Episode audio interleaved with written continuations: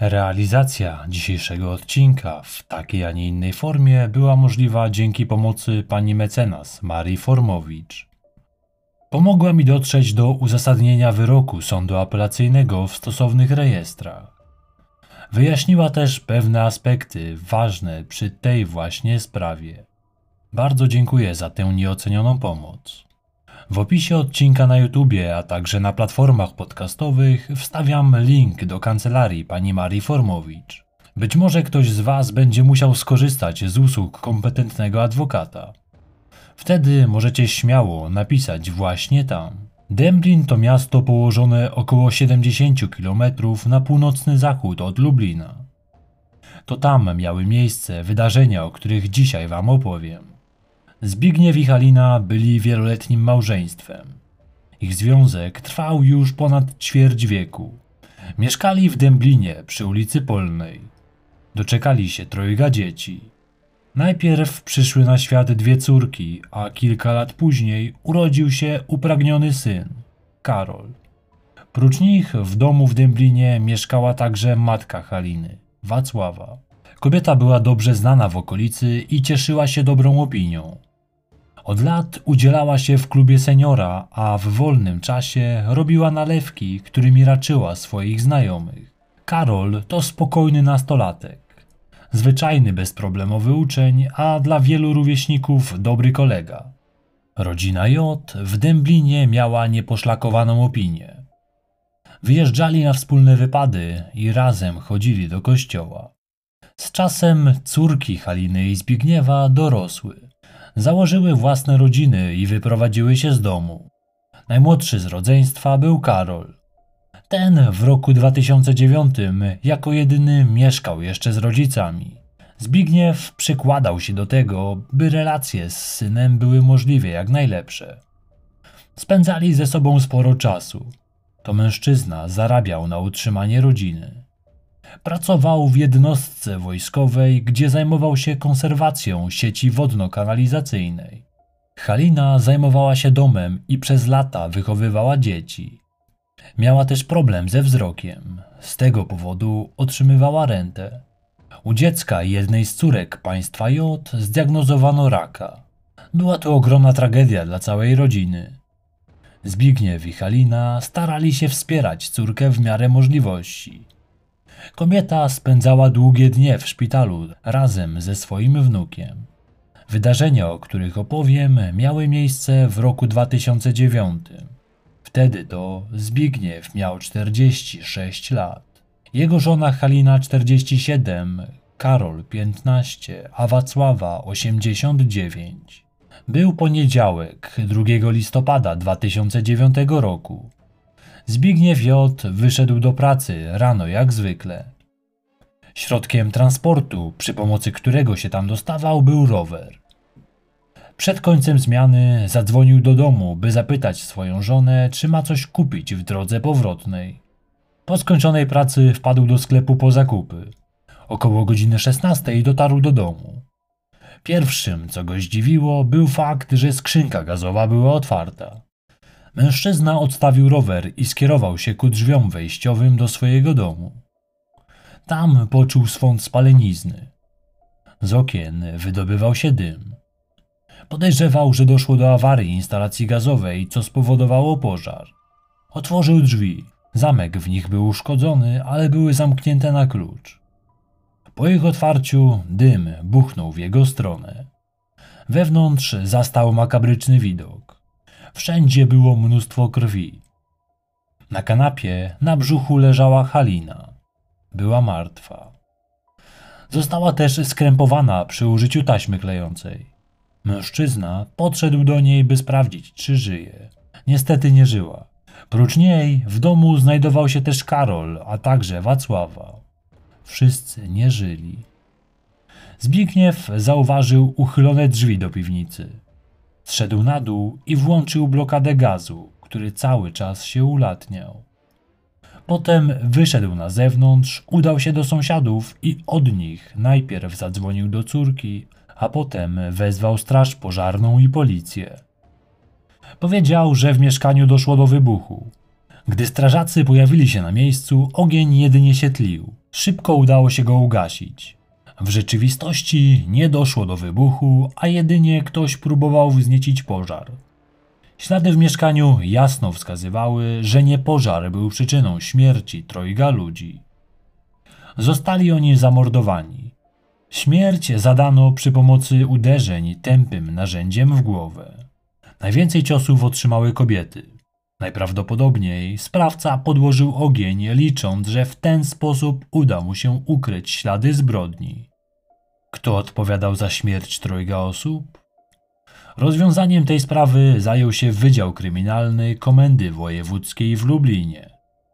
Wykluczono motyw rabunkowy. Z domu nie zniknęło nic wartościowego.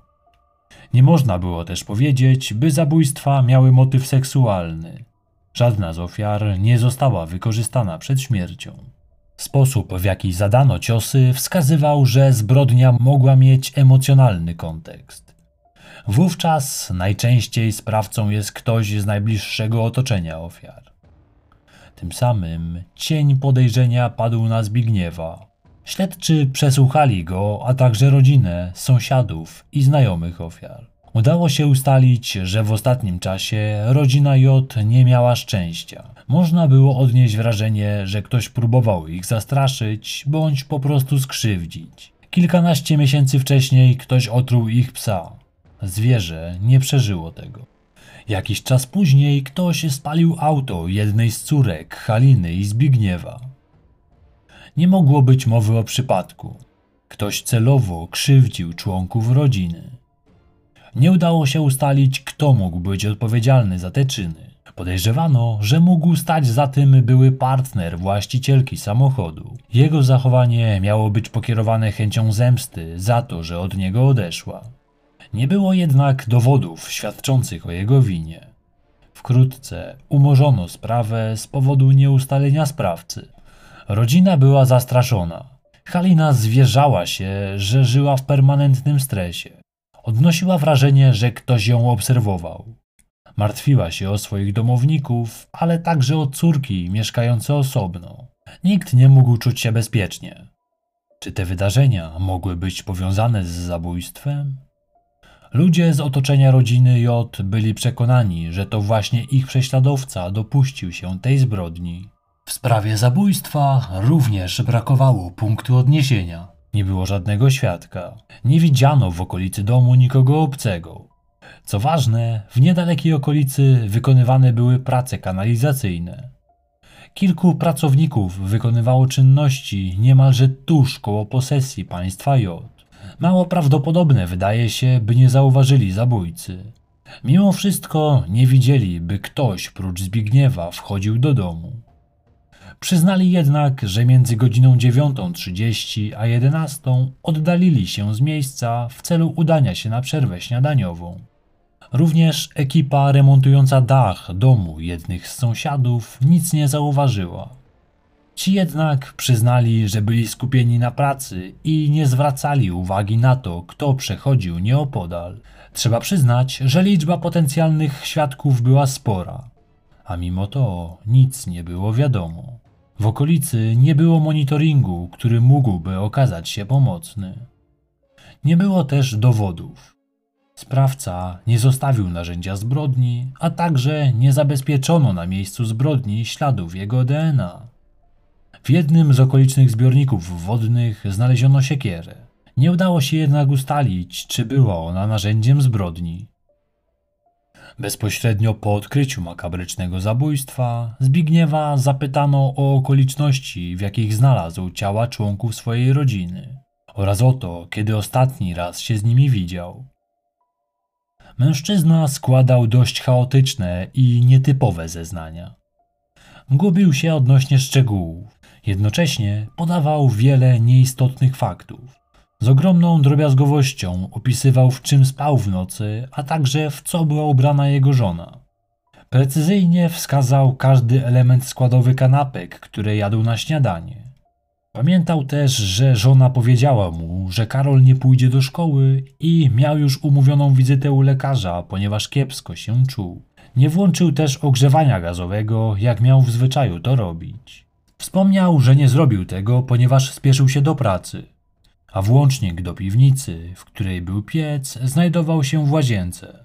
Ta akurat była zajęta przez teściową, a on nie miał czasu czekać, aż ta skończy z niej korzystać.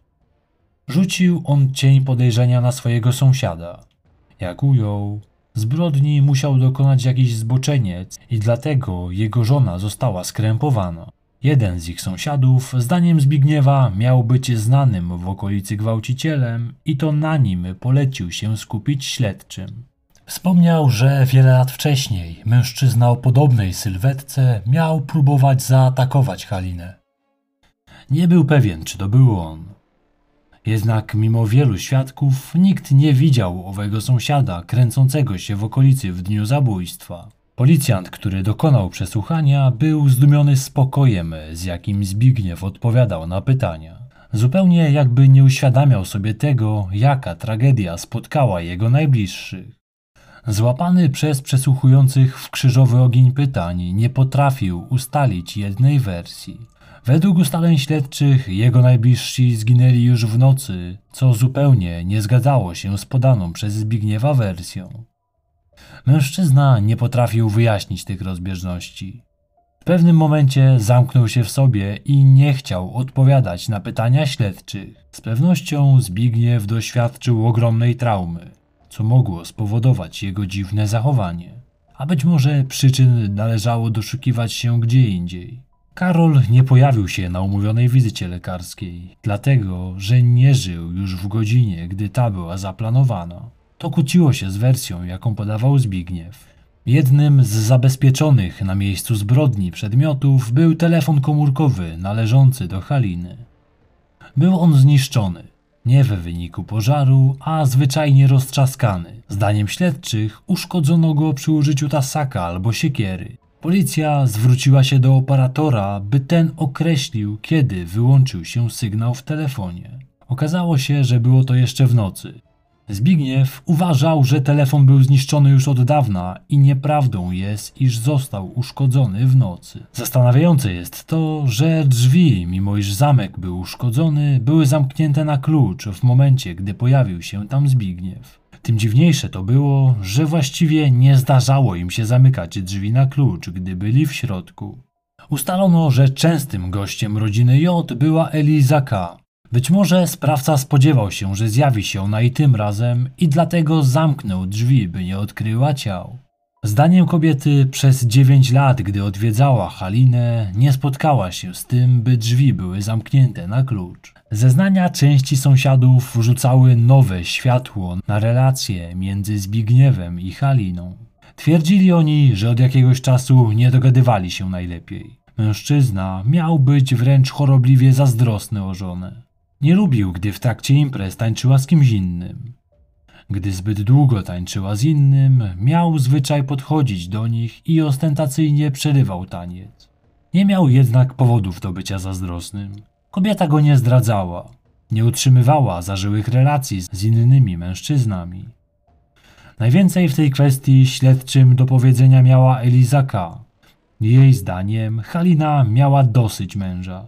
Przeszkadzał jej chociażby nieprzyjemny zapach z jego ust. On z tym nic nie robił i nie chciał iść do dentysty. Z tego względu przestało dochodzić między nimi do zbliżeń.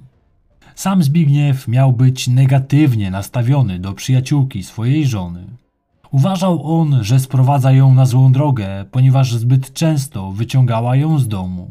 Halina miała mówić Elizie, że gdy Karol osiągnie pełnoletność, to ona odejdzie od męża. Tych rewelacji nie potwierdzali jednak krewni ofiar. Nie wiedzieli oni nic na temat rzekomego kryzysu w ich związku. Córki w trakcie przesłuchiwań zadawały kłam pogłoskom na temat chorobliwej zazdrości mężczyzny. Zdaniem córek Halina wielokrotnie wyjeżdżała na wycieczki tylko ze swoją siostrą, a mąż nigdy nie miał nic przeciwko, gdy żona zatańczyła z kimś innym na imprezie. Nigdy się nie kłócili w towarzystwie. Siostra Haliny przyznała jednak, że w jednej z rozmów telefonicznych z nią wyznała jej, że chyba się rozwiedzie, bo ma już dość. Więcej ten temat nie wrócił. Nieco inne zdanie na temat teścia miał jeden z jego zięciów. Ten uważał, że Halina nie mogła porozmawiać z sąsiadem przez płot, bo wtedy Zbigniew robił się zazdrosny. Wszczynał z tego powodu awantury. Jego zdaniem Karol żalił się na ojca. Opinie sąsiadów na temat Zbigniewa były różne. Część z nich kojarzyła go jako spokojnego człowieka, co tydzień chodzącego z rodziną do kościoła, a inni mówili, że znęcał się nad swoimi bliskimi. Jeden ze świadków w sprawie zeznawał, że bezpośrednio po odnalezieniu ciał miał widzieć Zbigniewa, który uderzał głową w mur. Miał wtedy powtarzać: Co ja zrobiłem? Jak będę z tym żyć? Potem ten sam świadek wycofał się z tych zeznań, twierdząc, że ta sytuacja mu się przyśniła. Był natomiast inny świadek, który faktycznie słyszał te słowa. Z racji, że nie było innych podejrzanych, uwaga śledczych skupiła się właśnie na Zbigniewie. Zabezpieczono ślady w domu. Oczywiście znajdowały się tam ślady mężczyzny. Jednak to nic dziwnego, skoro mieszkał tam i przebywał tam codziennie. Okazało się, że na taśmie klejącej, przy pomocy której skrępowano ręce i nogi Haliny, zabezpieczono ślady osmologiczne, czyli ślady zapachowe należące właśnie do Zbigniewa. To z całą pewnością rzucało na niego podejrzenie. Ale przecież taśma pochodziła z ich domu. Mógł zatem zostawić na niej ślady kiedy indziej. Jednak badania wykazały, że ślady pozostawiono w takich miejscach, iż musiały powstać podczas oklejania. Przyznacie, że to dość solidna poszlaka. Jeżeli pewnym było, że to Zbigniew skrępował ręce i nogi żony taśmą, a także tylko jego ślady zabezpieczono na miejscu zbrodni, to stawał się podejrzanym numer jeden. Mężczyzna został ponownie przesłuchany. Tym razem rozmowa odbyła się w obecności psychologa. Funkcjonariusze zwrócili uwagę na nieprawdopodobny spokój, jakim wykazywał się w trakcie rozmów. Był bardzo opanowany. Tak samo zachowywał się tuż po odkryciu ciał członków jego rodziny. Na kluczowe kwestie odpowiadał półsłówkami, nie otwierał się przed przesłuchującymi. Natomiast nie omieszkał dzielić się szczegółami zupełnie nieznaczącymi dla sprawy. Mówił też o tym, co czuł w momencie, gdy odkrył ciała. Jego zdaniem był zrozpaczony. Na widok zamordowanego syna omal miał nie postradać zmysłów. Ta reakcja zupełnie nie pasowała do opanowanego mężczyzny, którego zastali na miejscu zbrodni policjanci. Psycholog po przesłuchaniu wyciągnął ciekawe wnioski. Uważał on, że Zbigniew celowo, drobiazgowo opisywał mało znaczące kwestie, by odsuwać uwagę śledczych od samego zabójstwa. Podświadomie nie chciał o tym mówić i liczył, że w ten sposób tego uniknie. Przeprowadzono test sprawdzający, czy mężczyzna mówił prawdę. Jego wyniki w przypadku pytań o zabójstwo członka rodziny wskazywały zachowanie charakterystyczne dla osób kłamiących. Prokuratura uznała, że wynik dochodzenia dał podstawy do tego, by wydać nakaz aresztowania mężczyzny. Tym samym już 5 listopada zatrzymano Zbigniewa J. i postawiono mu zarzut potrójnego zabójstwa. Zdecydowano się przesłuchać podejrzanego przy użyciu wariografu. Jego wyniki okazały się być druzgocące.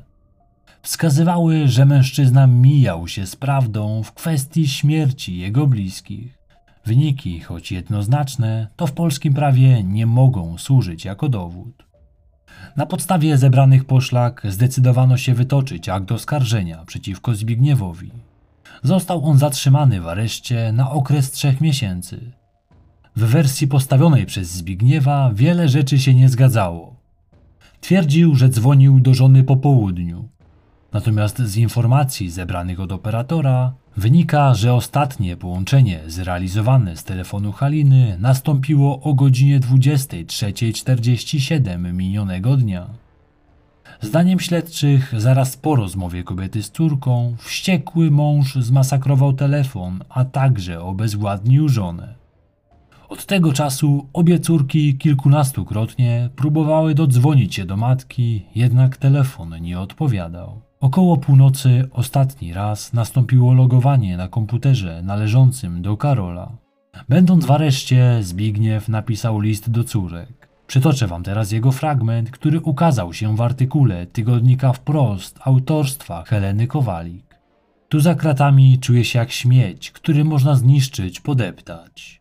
bo ktoś trwa w idiotycznym i bezsensownym przekonaniu, że ja mógłbym mieć cokolwiek wspólnego ze śmiercią najbliższej rodziny. Ukochane Janusi, mojego ukochanego Karola i mamy, która nie zrobiła mi nic złego w życiu. Tak pięknie zaczął się ten 2 listopada, gdy wychodząc do pracy pocałowałem Anusię jeszcze leżącą w łóżku. Czy mogłem przypuszczać, że do naszego domu wejdzie ta łajza, bo nie wiem jak go można nazwać człowiekiem? To co zastałem po powrocie jest nie do opisania. Zapewniam was, że jestem niewinny.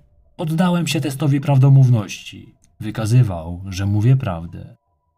Zbigniew J. został oskarżony o to, że 2 listopada 2009 roku pozbawił życia swojego syna oraz żonę i teściową. Prokuratura żądała dla niego dożywotniego pozbawienia wolności. Mężczyzna przez cały czas konsekwentnie wypierał się udziału w śmierci swoich bliskich. Nagle przypomniało mu się, że dzień wcześniej odwiedził ich były partner jednej z ich córek. Z pewnością to on uszkodził rurę od gazu, więc i na pewno on był zabójcą. Prokuratura przedstawiła taki przebieg wydarzeń. Jeszcze w nocy miało dojść do kłótni między Haliną i Zbigniewem. W jej trakcie mężczyźnie puściły nerwy. Poszedł po ciężkie narzędzie, najpewniej młotek lub siekierę, i nim kilkukrotnie uderzył swoją partnerkę w głowę. Gdy upadła na ziemię, skrępował ją przy użyciu taśmy. Miała wówczas jeszcze żyć. Krzyki miał usłyszeć ich syn. Gdy zobaczył ojca nad ciałem matki, próbował uciec do swojego pokoju. Tam dopadł go Zbigniew. Miało dojść między nimi do szarpaniny. Jego również kilka razy uderzył w głowę. Odnośnie tego, jak zginęła teściowa, są różne teorie. Według jednej miała zostać zamordowana w pokoju. Inna natomiast mówi, że kobieta została zaatakowana przy stole w kuchni, a następnie sama doczołgała się resztkami sił do sypialni Haliny i Zbigniewa. Następnie mężczyzna zaciągnął ją z powrotem do kuchni i tam ją zabił. W tym czasie Halina miała wyswobodzić ręce z taśmy. Nie zdążyła wstać. Mąż ponownie zaatakował. Uderzył młotkiem jeszcze siedem razy i tym razem skutecznie ją unieruchomił. Następnie zszedł do piwnicy, gdzie naciął rurę od ogrzewania gazowego. Nasączył rozpuszczalnikiem pościel i wykładzinę, a następnie zapruszył ogień. W mieszkaniu porozstawiał płonące świeczki. Według niektórych źródeł wtedy jeszcze żyli. Życie mieli stracić w wyniku obrażeń oraz zatrucia tlenkiem węgla. Zdaniem prokuratury sprawca zabójstw musiał znać dobrze rozkład pomieszczeń w domu. Rura została uszkodzona w trudno dostępnym miejscu. Zabrał też rozpuszczalnik z piwnicy. To również wskazuje, że zabójcą był Zbigniew. Proces w tej sprawie był poszlakowy. Po przebadaniu podejrzanego przez psychiatrów wykazano, że był on poczytalny w momencie dokonywania zbrodni. Zatem świadomie podejmował decyzję o pozbawieniu życia członków swojej rodziny. Biegły seksuolog wykluczył występowanie u Zbigniewa zazdrości urojeniowej, co było mu zarzucane przez niektórych świadków. 23 listopada 2011 roku zapadł wyrok. Zanim jednak powiem, jaki wyrok zapadł, chciałbym zwrócić Wam uwagę na pewną kwestię. W tej sprawie mieliśmy do czynienia z przypadkiem, gdy jeden z członków składu orzekającego złożył odrębne zdanie odnośnie werdyktu. Korzystając z pomocy pani mecenas, pozwolę sobie wykorzystać jej wiedzę, by wyjaśnić Wam, na czym to zjawisko polega. Przedstawię Wam, jak wygląda proces wydawania wyroku w polskim sądownictwie. Wyrok w sprawie poprzedza narada i głosowanie sędziów. Wyrok zapada większością głosów. W sprawach o zabójstwo w pierwszej instancji sąd orzeka w składzie 2 plus 3, to znaczy dwóch sędziów zawodowych plus trzech ławników. W każdej sprawie przegłosowany sędzia może zaznaczyć swoje odrębne zdanie. Pozwala to jednej ze stron na zaakcentowanie i ujawnienie stanowiska sędziego w sprawie. Jest też informacją dla sądu odwoławczego, że orzeczenie zapadło niejednomyślnie. Od strony technicznej wygląda to w następujący sposób. Składający zdanie odrębne sędzia powinien przy własnym podpisie zaznaczyć je poprzez dokonanie zapisu zdanie odrębne. Może to też zrobić po łacinie, wpisując votum separatum lub skrótem VS. Powinien też dodać, czego dotyczy zdanie odrębne i w jakim zakresie. Zdanie odrębne może bowiem dotyczyć jednego lub kilku elementów. Odnotowanie zdania odrębnego na orzeczeniu powinno być jasne i zrozumiałe co do zakresu i kierunku, w miarę możliwości powinno być też zwięzłe. Zdanie odrębne może być zgłoszone tylko wraz z podpisywaniem orzeczenia lub uzasadnienia. Wszelkie późniejsze oświadczenia członka składu orzekającego nie może zostać uznane za zdanie odrębne. Zgodnie z orzeczeniem Sądu Najwyższego, zdanie odrębne może być podstawą do kwestionowania wyroku w drodze apelacji. Sąd Okręgowy w Lublinie uznał Zbigniewa J. za winnego dokonania potrójnego zabójstwa. Skazany został na karę dożywotniego pozbawienia wolności. O przedterminowe zwolnienie będzie mógł się ubiegać dopiero po 30 latach odsiadki. Poczet kary został wliczony okres, kiedy przebywał on w areszcie do czasu zapadnięcia wyroku. Obrona zaskarżyła ten wyrok, między innymi podważając wiarygodność świadków oskarżenia.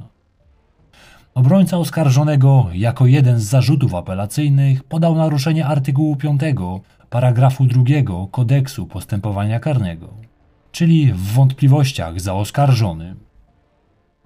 Artykuł ten stanowi, że na korzyść oskarżonego rozstrzyga się wątpliwości, których nie da się usunąć. Istotą tej zasady jest to, iż jeżeli istnieją w sprawie wątpliwości, których w ogóle nie da się usunąć poprzez czynności dowodowe, to wątpliwości te należy rozstrzygnąć na korzyść oskarżonego. W praktyce skuteczne postawienie tego zarzutu jest bardzo trudne, gdyż można stosować omawianą zasadę dopiero wtedy, gdy możliwość dokonania pewnych ustaleń za pomocą sędziowskiej swobody oceny dowodów została wyczerpana. Musi zatem być obiektywna możliwość ustalenia pewnych faktów. W omawianej sprawie sąd apelacyjny w Lublinie wskazał, że sąd pierwszej instancji przedstawił logiczny proces analizy materiału dowodowego i wskazał, jakie przesłanki legły u podstaw uznania winy oskarżonego za udowodnioną. Sąd miał też na uwadze, że rozpoznana sprawa ma charakter poszlakowy i wskazał, jakie poszlaki zdecydowały o uznaniu tejże winy.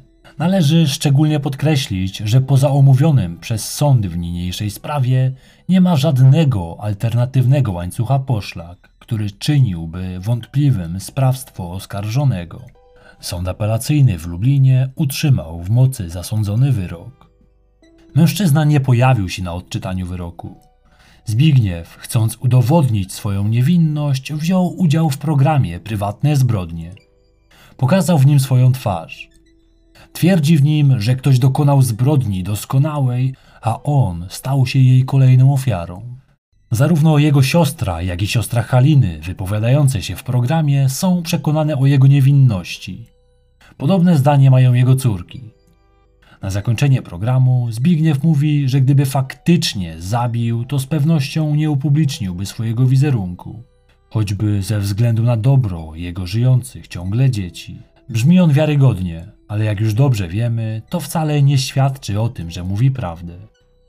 Gdyby był zdolny do zabicia swoich bliskich, to na pewno byłby skłonny do narażenia dobrego imienia swoich żyjących córek.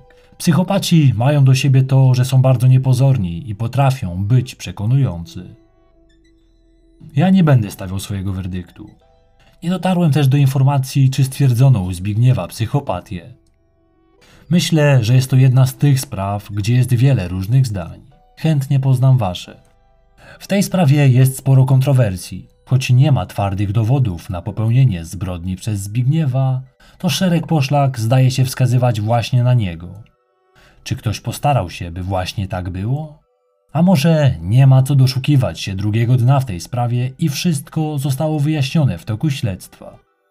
Ciekawe w tym wszystkim jest to, jak odrębne zdanie na temat tej sprawy mają osoby znające rodzinę J.